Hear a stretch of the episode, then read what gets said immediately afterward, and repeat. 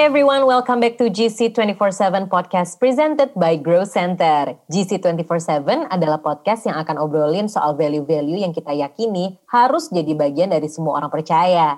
Di sini kita akan membahas tentang Tuhan Yesus, generasi, generosity, tentang karakter yang intinya cara hidup murid-murid Yesus di zaman ini yang relevan banget buat kita semua. Wow, senang banget. Selamat sore Pastor, Pastor Chandra.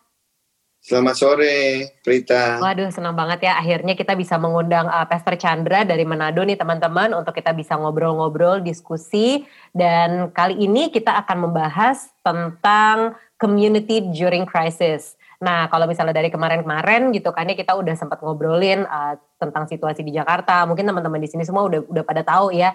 Nah, tapi sekarang kita mau mengundang Pastor Chandra untuk ngobrolin uh, bagaimana sih komunitas uh, di Manado dan bagaimana keadaan kota Manado ini during crisis gitu. Nah, boleh mungkin um, Pastor Chandra untuk yang pertama aku pengen tanya dulu nih, uh, gimana sih keadaan Manado sekarang uh, di tengah-tengah krisis gitu sampai kita kan udah mau masuk uh, awal tahun baru ya gitu, tapi kemarin-kemarin sampai sekarang ini yeah. gimana sih Pastor? Ya, Shalom Grow Center Family di mana pun uh, kita berada mendengarkan podcast hari ini. Uh, sungguh benar uh, kita tidak pernah menyangka bahwa virus corona membuat krisis yang luar biasa termasuk seluruh dunia bahkan sampai di Manado. Bukan hanya di Jakarta sampai di Manado. Dan pada mulanya ketika terjadi krisis ini semua orang pada bingung. Bahkan uh, semua aktivitas itu berubah.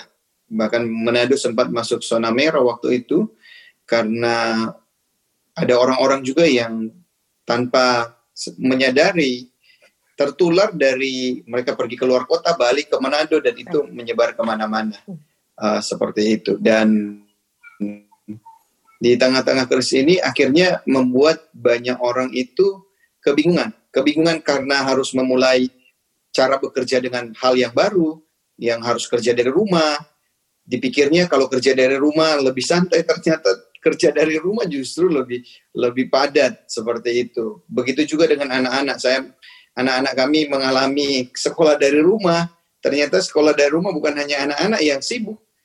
Orang tua terutama mama-mama itu benar-benar sibuk, sibuk dan lagi. iya dan banyak orang nggak kuat dengan hal tersebut. Begitu juga di dalam pelayanan, begitu juga di dalam kita bergereja.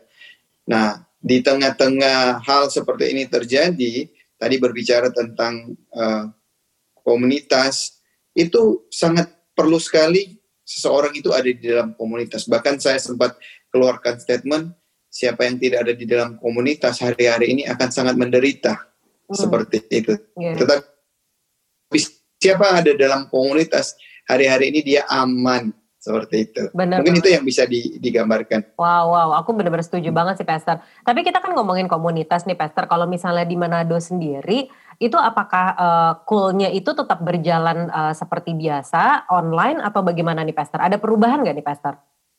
Ya, uh, secara cool kita itu berjalan secara online dan puji Tuhan, saya mau katakan bahwa semua cool berjalan dengan baik. Bahkan di tengah pandemi ini terjadi pertambahan kul. Wow, oke. Okay. Jadi ada kul yang akhirnya bertambah jumlah anggotanya dan mulai membelah. Hmm. Seperti itu. Hmm. Justru terjadi di tengah pandemi dan di tengah pandemi ini juga kalau saya katakan bonding antar anggota di dalam kul itu semakin kuat.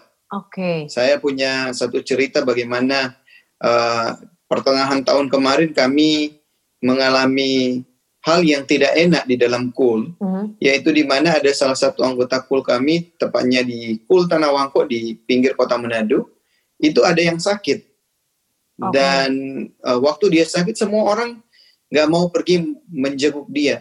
Even keluarganya tidak mau karena waktu itu pandemi ini atau virus ini lagi hot-hotnya dan oh. orang takut kena virus. Hmm, hmm, hmm. Nah, apa yang terjadi? Bersyukur dia ada di dalam kul, dia juga uh, salah satu pengerja di Grow Center Manado. Apa yang terjadi? Justru dari kul, khususnya gembala kul, saya mau appreciate ke gembala kul, istri gembala kul, uh, tim inti di dalam kul itu justru yang memperhatikan dia. Mereka yang setiap hari bukan hanya menelpon, tetapi uh, membawa makanan, ngedrop makanan di depan wow. pintu, walaupun nggak ketemu, seperti itu. Dan klimaksnya adalah ketika orang tersebut akhirnya sudah nggak kuat lagi, harus dibawa ke rumah sakit, nggak ada keluarga yang pingin bawa dia ke rumah sakit, tetapi dari kul justru yang membuat atau membawa dia ke rumah sakit dan akhir dari cerita ini memang tidak tidak mengenakan tetapi saya bilang ada satu pelajaran yang luar biasa dan itu justru membuat kami makin kuat di mana uh, pengerja tersebut uh, Tuhan panggil untuk ulang akhirnya dia meninggal hmm. dan seluruh prosesi dari dia ma uh, akan masuk rumah sakit dia selama sakit uh, kurang lebih seminggu di rumah sakit itu yang jaga yang ngurus itu dari kul dari teman-teman wow. uh, pengerja bahkan sampai akhirnya meninggal saya katakan kepada tim pengembalaan yuk kita harus turun kita harus uh, terlibat di dalam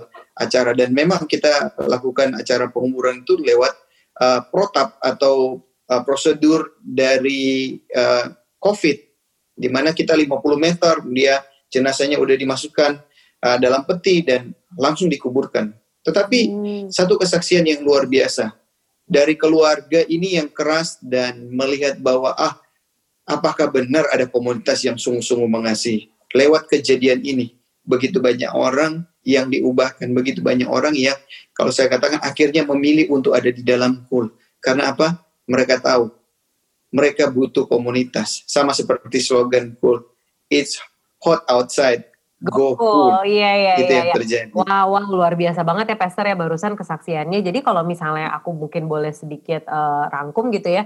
Jadi kadang-kadang tuh sebenarnya kita bisa menemukan uh, keluarga yang lebih erat gitu ya Pastor ya bahkan di komunitas ini gitu. Jadi bukan hanya ya. sekedar ya. kita tuh uh, berpikir uh, apa berkumpul hanya beribadah enggak, tapi di sini kita membicarakan sebuah komunitas di mana apabila terjadi sesuatu sama kita yang mungkin keluarga kita pun gitu kasarnya nggak mau uh, campur tangan gitu kan ada keluarga cool ini yang bisa uh, menjadi garda terdepan gitu untuk menolong kita. Ini luar biasa banget sih Pastor. Jadi benar-benar kalau untuk di Manado sendiri uh, uh, coolnya itu benar-benar semakin berkembang during pandemic ini dan makin uh, solid gitu ya Pastor ya dengan adanya keadaan ini. Yeah. bukannya malah membuat orang jadi makin sendiri-sendiri tapi malah makin kuat bersama. Wow luar biasa banget sih.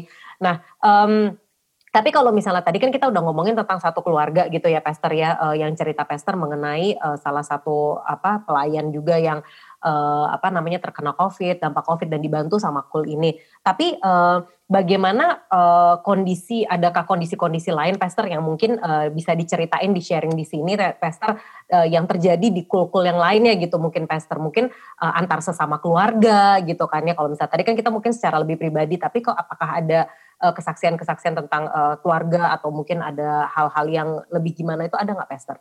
Ya, uh, jadi itu salah satu contoh yang saya ceritakan uh, dan sekedar klarifikasi tadi, uh, Prita, setelah tes uh, COVID kepada yang bersangkutan yang tadi yang sempat meninggal, hmm. ternyata dia nggak kena COVID. Oh, okay, Jadi okay. bayangkan keluarga itu berpikir dia kena COVID, tapi ternyata dia nggak kena COVID setelah hasil tes keluar. Hmm. Tapi di sisi yang lain bicara tentang keluarga, masa COVID ini membuat banyak orang jadi stres. Yes. Karena kenapa? Ekonomi menurun. Betul. Uh, penghasilan yang biasanya 10 mungkin jadi tinggal 5 atau jadi 4. Tetapi justru uh, ada case yang kami alami yaitu bagaimana ada se seorang anggota jemaat, ini bukan pengerja ini anggota jemaat yang ada di dalam kul yang berbeda. Itu saking depresinya dia, itu uh, orang tersebut akhirnya mengalami tekanan yang luar biasa dan harus dirawat sampai ke psikiater. Wow, oke. Okay. Dan pada saat masa-masa dia mulai berperilaku yang uh, agak aneh, justru dari anggota kul dan gembala kula yang mulai mendorong keluarga untuk bawa dia ke psikiater. Hmm, okay, okay. Dan bukan hanya mendorong, tetapi mereka mengambil satu tindakan yaitu membawa orang tersebut itu ke psikiater dan jujur mereka katakan selama perjalanan tidak enak apa yang dilakukan karena dia udah bertingkah laku yang aneh. Hmm, hmm, tetapi uh, satu hal yang saya selalu mengucap syukur adalah gini ada compassion, ada belas kasihan, ada hati yang sungguh ingin melihat, ingin melayani. Sesama itu yang kalau saya katakan itu yang ditunjukkan oleh anggota-anggota kul yang lain. Dan akhirnya orang tersebut dirawat selama beberapa waktu dan puji Tuhan di dalam keluarga yang sempat keluarga pikir aduh nanti orang akan bilang seperti apa ya mungkin orang-orang nggak akan terima keluarga nggak nggak sanggup untuk menerima takut akan ada cemooh dari orang-orang yang lain tetapi selama masa perawatan tersebut tidak ada yang tahu cuman anggota kul hmm. hanya pemimpin-pemimpin kul yang tahu persis dan mereka menjaga merawat memberikan motivasi mendoakan sampai akhirnya terjadi pemulihan. Dan bukan hanya terjadi pemulihan, justru keluarga ini Tuhan izinkan dari satu usaha lewat tadi krisis yang mereka alami, Tuhan izinkan untuk mereka punya tempat usaha yang baru yang jauh wow. lebih proper, yang jauh lebih baik. Dan hari ini keluarga ini sangat bergairah di dalam Tuhan, mereka sangat aktif di dalam kul dan menjadi kesaksian yang luar biasa bagaimana Tuhan ada, Tuhan menolong di tengah krisis. Wow, ini luar biasa banget sih Pastor ya. Maksudnya kita baru uh, dua pertanyaan, tapi ini ada dua-dua kesaksian yang menurut aku tuh very powerful banget karena memang uh, aku sih juga kalau misalnya aku boleh sharing ya Pastor, jadi di kulku sendiri yeah. juga gitu kan ya. Memang aku merasakan banget sih Pastor di mana uh, pasti kan yang namanya kul itu kan kita udah kayak keluarga banget ya Pastor. Ada ya, hal-hal yeah, yang mungkin uh, kita tuh takut gitu kalau misalnya orang luar tuh mungkin akan ngejudge kita ataupun mungkin uh, jadi rasanya tuh kayak kita tuh harus jaim. Biasanya kan kita berpikir seperti itu kan ya. Tapi memang di uh, komunitas yang kita miliki ini di Cool GC ini, aku ngerasa tuh kita bener-bener bisa jadi diri kita sendiri dan kita tuh ya. nggak yeah. perlu malu atau takut gitu ya Pastor ya untuk bisa yeah, benar. memperlihatkan ya ini keadaan kita yang sesungguhnya, ini keluarga kita tuh seperti ini gitu. Tapi ya itu sih maksud aku bener-bener uh, komunitas cool itu adalah menurut aku komunitas yang sangat sehat banget yang emang dipenuhi dengan orang-orang Kristen emang memang tulus mau melayani, saling mau melayani, punya kerinduan untuk saling ngejagain satu sama lain. Ini tuh bener-bener luar biasa banget sih Pastor ya. Nah, untuk yang tadi tuh Pastor uh, kan uh, tadi Pastor sempat mention kan ya memang kalau misalnya di seluruh aspek lah gitu kan banyak banget semua orang yang mengalami uh, apa permasalahan finansial ya Pastor ya. Nah, kalau misalnya dari anggota-anggota KUL sendiri yang di Manado gitu khususnya ya Pastor ya. Nah, kalau misalnya ada satu anggota yang mungkin uh, apa namanya uh, mereka mengalami masalah finansial sampai seperti tadi gitu kan sampai mungkin uh, sampai stres apa tuh gitu. Nah, itu tuh kira-kira ada yang dilakukan gak sih sama sesama anggota kul gitu mungkin uh, saling membantu apakah saling uh, apa membantu usaha atau apa ada ada tindakan-tindakan seperti itu nggak Pester?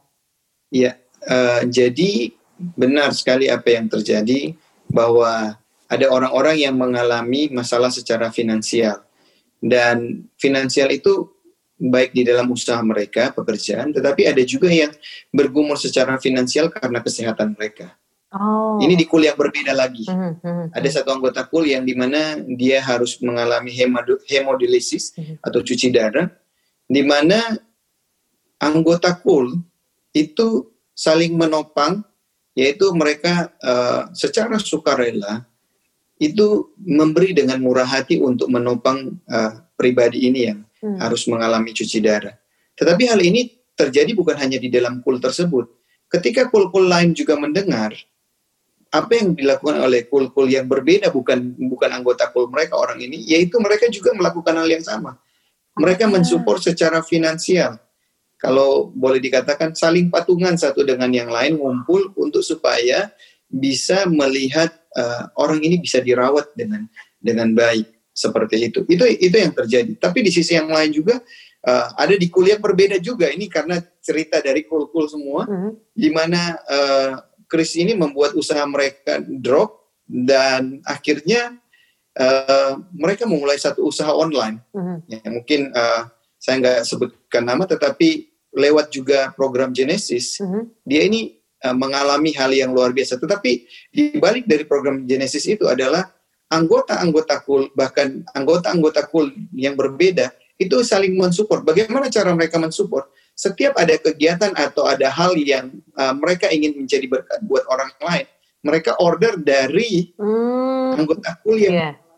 tersebut yang mulai membuka istilahnya bisnis online. Oh, Dan yang terjadi okay. lewat satu bisnis online ini menginspirasi yang lain-lain. Sekarang kita di Manado cukup banyak teman-teman yang punya bisnis-bisnis online berbagai hmm. macam rupa dan saling berkolaborasi satu dengan yang lain. Wow. Untuk supaya apa? Untuk saling menopang. Hmm. Dan kalau saya boleh katakan uh, kesaksian dari orang tersebut, dia katakan bahwa dari kesulitan ekonomi dan berpikir bahwa di masa pandemi ini justru mereka sudah nggak tahu apa-apa, tapi justru pandemi ini berubah menjadi satu kesempatan untuk memiliki bisnis yang baru, uh-huh. jenis usaha yang baru yang mereka nggak pernah pikirkan, dan mereka survive untuk melewati masa-masa krisis. Oh. Karena apa? Uh-huh. Ada anggota-anggota pool juga, bukan hanya di dalam poolnya, tetapi dari secara GC family uh-huh. saling mensupport satu dengan yang lain. Hmm, okay, Demikian okay, okay, okay. Nah, kalau misalnya dari tadi kan kita bisa ngelihat ya Pastor kalau misalnya di dalam kul itu kan memang uh, banyak banget orang-orang yang saling uh, mau menolong dan uh, berbagai macam hal dah gitu yang kita bisa lihat gitu kan hal-hal baik. Tapi ada nggak sih Pastor mungkin permasalahan-permasalahan tertentu atau batasan-batasan deh yang ada di dalam komunitas komunitas ini yang uh, menjadi uh, apa ya mungkin uh, akhirnya melimitasi gitu kan ya ketika kita mau membantu sesama anggota kul gitu itu ada nggak sih yeah. permasalahan-permasalahan atau batasan-batasan tertentu gitu? Oke, okay. jadi kalau saya mau katakan bahwa untuk kita di Manado yang terjadi adalah kita selalu uh, dalam hal ini yang kita lakukan bukan karena like or dislike, mm -hmm. tetapi uh, saya selalu berpesan kepada teman-teman gembala-gembala kul untuk kita menjadi menerapkan visi yang namanya uh, nilai GC yaitu misi. Oh. Di mana kita mature, kita menjadi orang yang dewasa.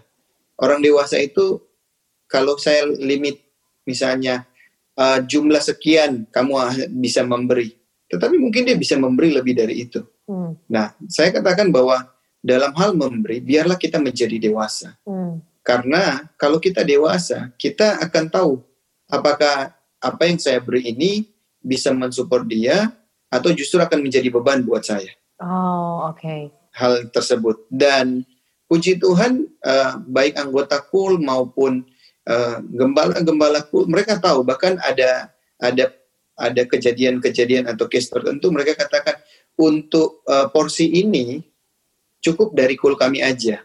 Mm. Gak usah dari kul yang lain. Mm -hmm. Karena apa? Dari kul kami aja kami bisa cover mungkin kul yang lain bisa menolong orang yang di sana itu. Hmm. Karena kami tahu di sebelah ada di kul yang lain ada juga yang butuh support. Hmm. Sehingga uh, kedekatan itu dari dewasa kita menjadi intim, dari keintiman ini kita itu bisa dengan stabil untuk selalu mensupport sampai hari ini wow. masih jalan terus. Uh-huh. Kita nggak pernah menutup untuk orang menabur, uh-huh. kita nggak pernah menutup untuk orang satu dengan yang lain saling menolong. Karena kita percaya hal yang kecil yang kita lakukan, kalau kita lakukan dengan dewasa, dengan keintiman, dan kita lakukan terus-menerus, itu akan menjadi dampak yang luar biasa. Wow, Jadi okay. mengenai uh, bagaimana kita, apakah membatasi, saya nggak pernah membatasi. Hmm. Saya selalu katakan, kalian yang paling tahu, kalian yang sudah dewasa, kalau kita bisa memberi, hmm. kenapa kita tidak memberi? Okay. Dan kita percaya bahwa kalau kita memberi, Tuhan sendiri yang melihat, bukan karena sok-sokan bahwa hmm. kita oh, kita punya lebih, kita uh, uh, punya berkat lebih atau tapi lebih kepada bagaimana nama Tuhan dipermuliakan. Wow, oke okay, oke okay, oke okay, oke. Nah, mengenai tadi hidup berdam uh, jadi jadi dampak gitu ya, Pastor ya. Ini pastinya kan saya yakin banget dengan uh, apa dengan uh, sel group ini dengan cool ini yang semakin solid, yang semakin satu, semakin intim. Itu kan pasti kan mempengaruhi uh, gereja GC juga kan, Pastor ya, gitu kan di Manado. Nah, ini uh, dampak paling besarnya untuk uh, di gereja apa sih, Pastor dengan semakin solidnya si cool-cool ini gitu? Ya, kalau dampak yang terjadi di GC Manado karena uh, solidnya cool, uh-huh. saya boleh katakan 95% pengerja kita ada di dalam cool. Wow, oke. Okay. Jadi semua terlibat aktif selama pandemi ini. Uh-huh. Memang tidak bisa dipungkiri ada beberapa orang yang akhirnya uh, sempat terhilang, tetapi secara prosentasi itu sangat kecil. Uh-huh. Begitu juga dengan jemaat-jemaat, mereka setia ikut ibadah online kita, mereka uh, setia untuk memberi, hal-hal ini yang yang terjadi dan dampak yang luar biasa adalah walaupun kita pandemi tetapi kebersamaan sebagai keluarga itu tetap kita dapat, uh-huh. itu tetap terjaga sampai hari ini. Sehingga kalau ada kegiatan, ada hal bahkan banyak yang sudah katakan, wah kami rindu pester untuk segera online, uh, offline. Hmm. Saya katakan, ya saya pun rindu, tetapi saya ingin semua safe. Hmm. Kita nggak mau ambil resiko. Hmm. Itu juga yang dikatakan oleh Pester Andi. Hmm. Dan uh, hal yang luar biasa juga yang terjadi di Grow Center Manado adalah terjadi yang tadi di dalam kulkul terjadi pertambahan jumlah jemaat. Yeah, wow. Dan bukan hanya jumlah jemaat, di pandemi ini memang kita kehilangan tiga orang hmm. se secara pengerja yang akhirnya nggak jadi pengerja. Hmm. Tetapi kita ketambahan 20 volunteer baru wow, untuk terlibat di dalam pelayanan. Yeah, yeah, yeah. Dan ini yang ini yang luar biasa ini yang saya buat saya bilang amazed angkatan yang amazed yang benar-benar lahir dari dari cool. Hmm, seperti okay, itu. Okay, okay. Jadi benar-benar uh, apa walaupun tiga terhilang ada 20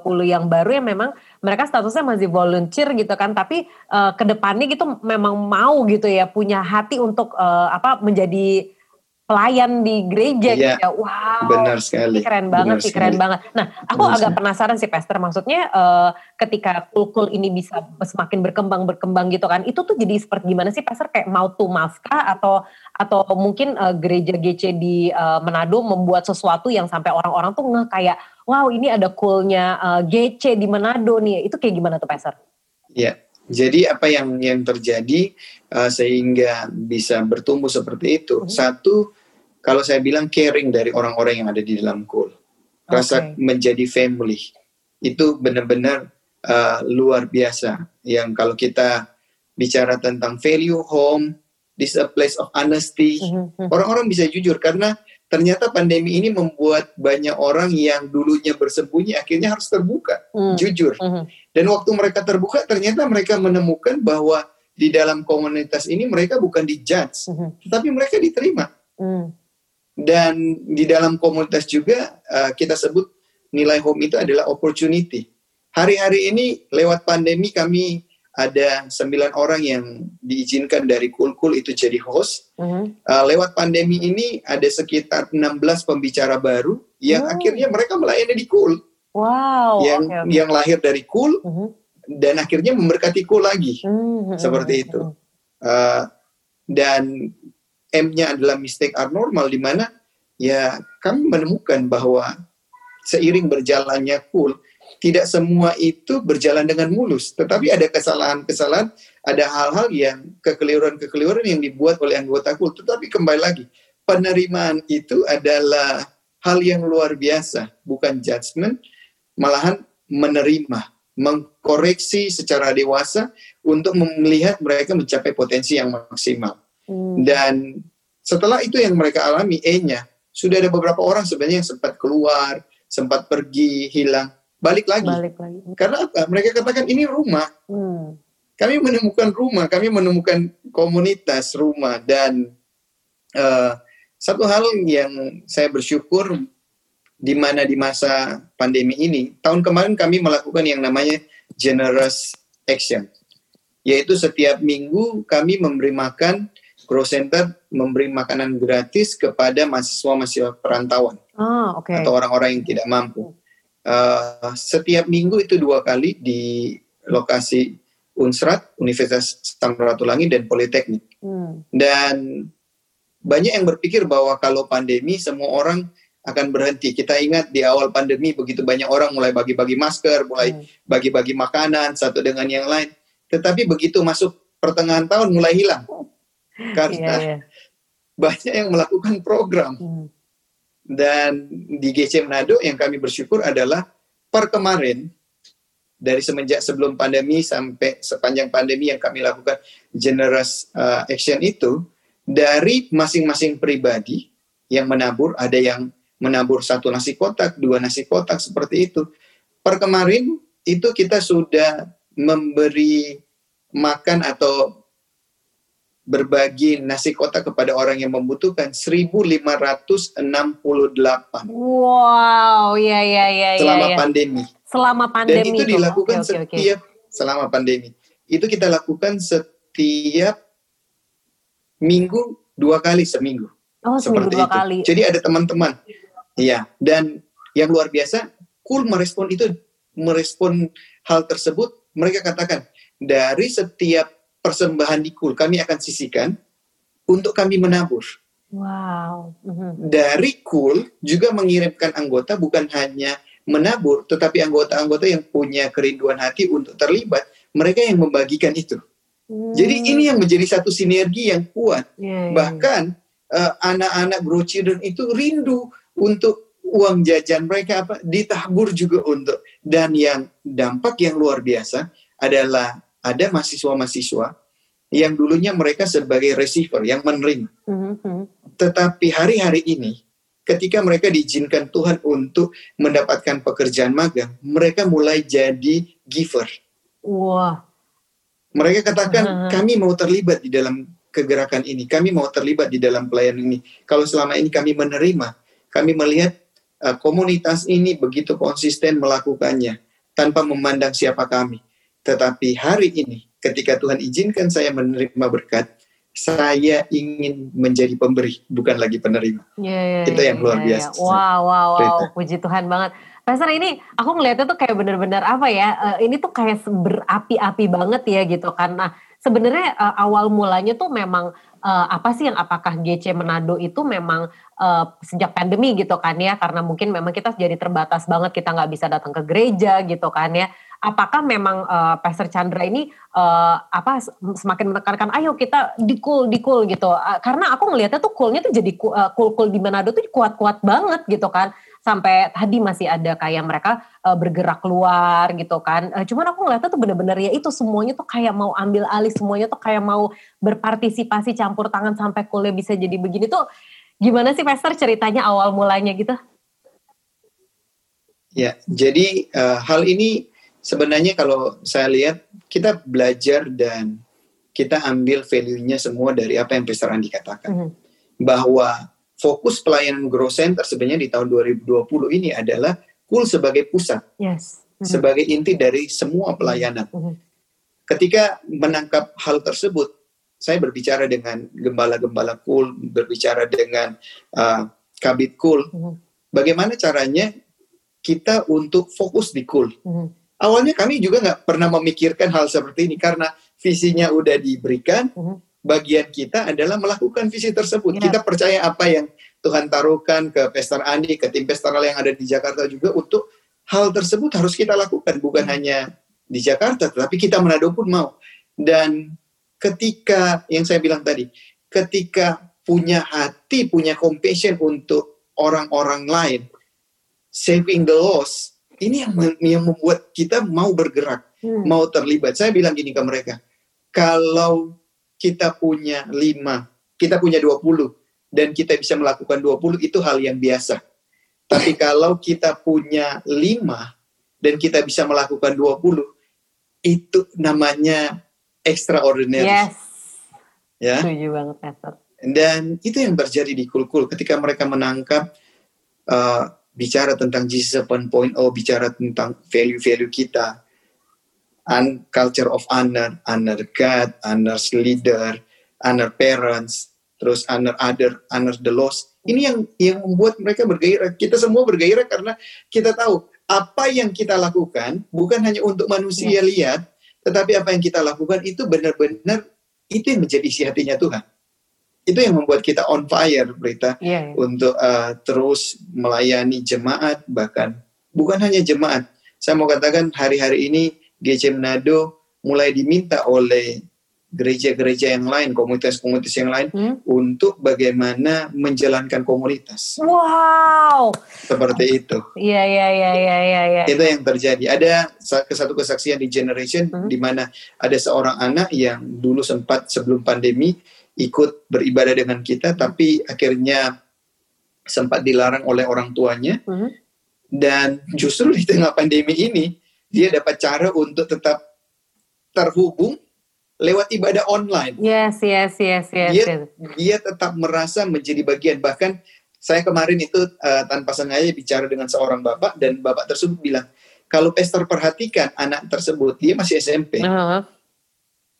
Dia selalu ada di dalam karena anaknya juga ada, anak dari bapak ini pengerja ini ada juga sebagai peng, uh, pelayan di kita. Dia katakan anak tersebut selalu ada.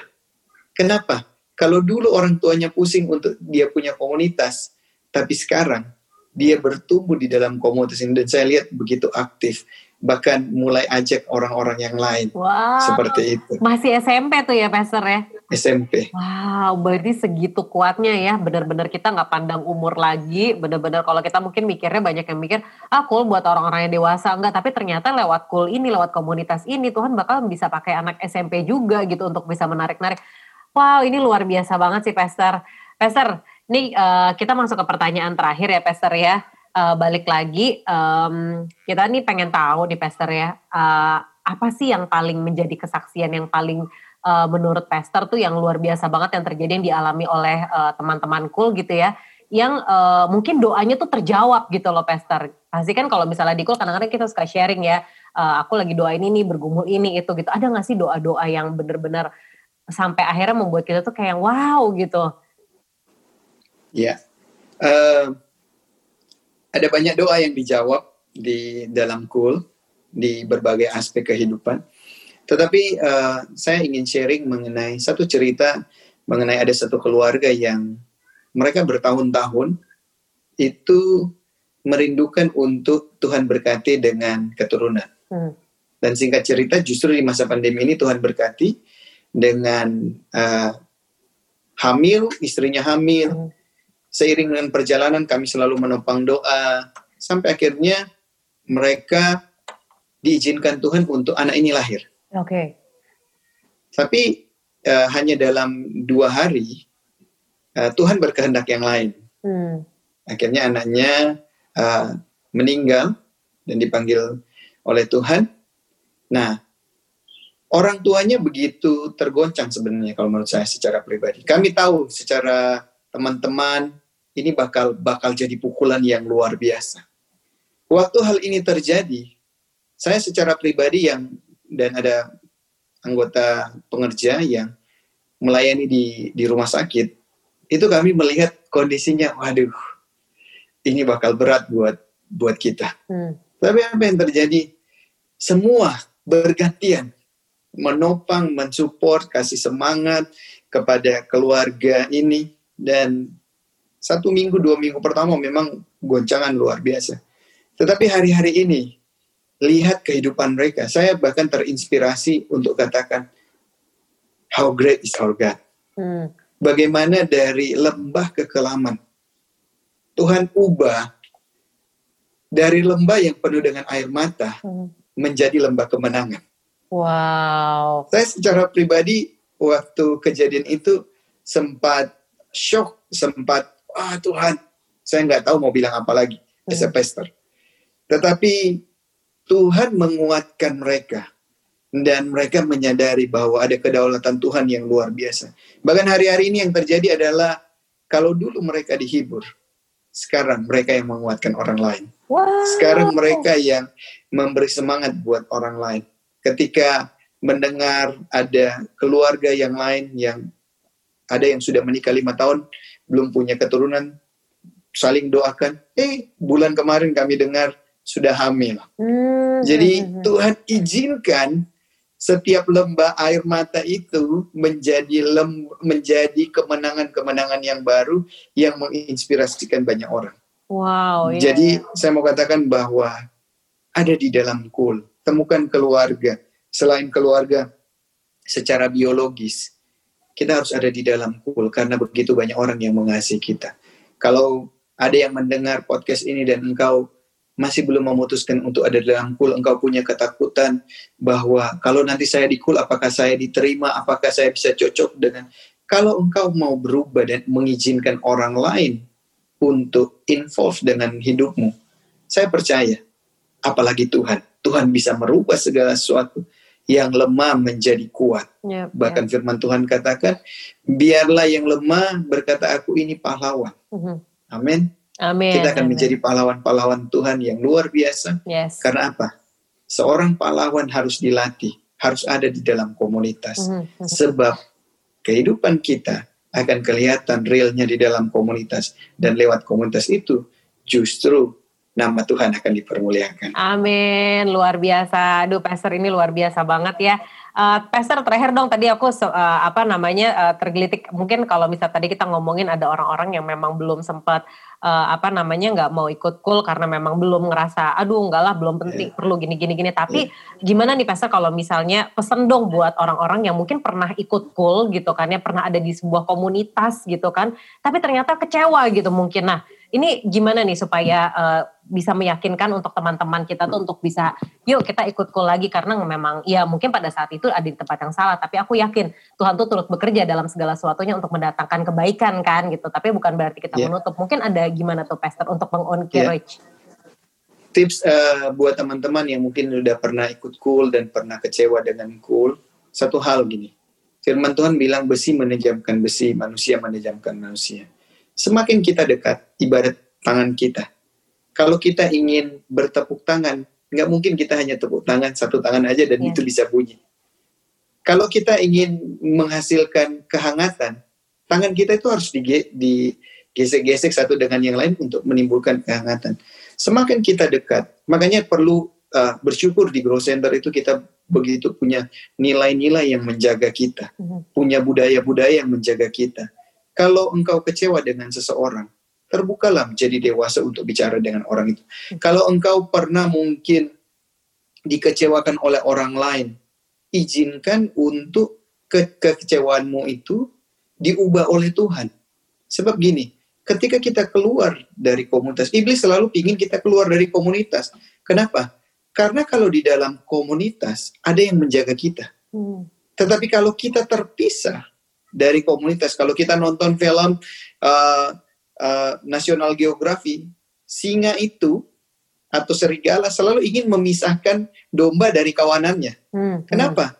Kalau mereka berpisah dari kawanannya, dengan mudah akan dikalahkan atau dimakan. Yeah. Demikian halnya dengan kita. Kalau kita keluar dari komunitas, yang rugi itu bukan komunitas, yang rugi itu kita. Mungkin uh, saya katakan bahwa ubah paradigma kita, mungkin cara bicara kita juga, hmm. cara penerimaan kita. Kalau kita bisa mengubah hal tersebut, saya percaya Tuhan sendiri yang akan membawa kita untuk menemukan komunitas yang cocok. Dan kalau engkau berdoa, Tuhan, aku ingin dipakai Tuhan lebih lagi, aku ingin Tuhan berdampak, ya ada di dalam komunitas terlebih ah, dahulu, oh, okay. mungkin hmm. di luar komunitas. Jadi satu hal yang saya mau katakan buat teman-teman yang sudah sempat ada dalam kul dan sekarang nggak ada di kul, pulang. Hmm. Kembali. Welcome home. Engkau diterima. Saya bilang ke anak-anak di GC Manado, pintu rumah nggak pernah tertutup, wow. pintu GC nggak pernah tertutup, dan rumah nggak pernah pindah. Yang menjadi pertanyaan, maukah engkau pulang? Wow. Untuk melihat saudara-saudaramu, untuk berjumpa dengan keluargamu yang ada di sini. Kami selalu rindu dengan tangan terbuka. Kami selalu katakan, welcome home we yes. miss you. Yes.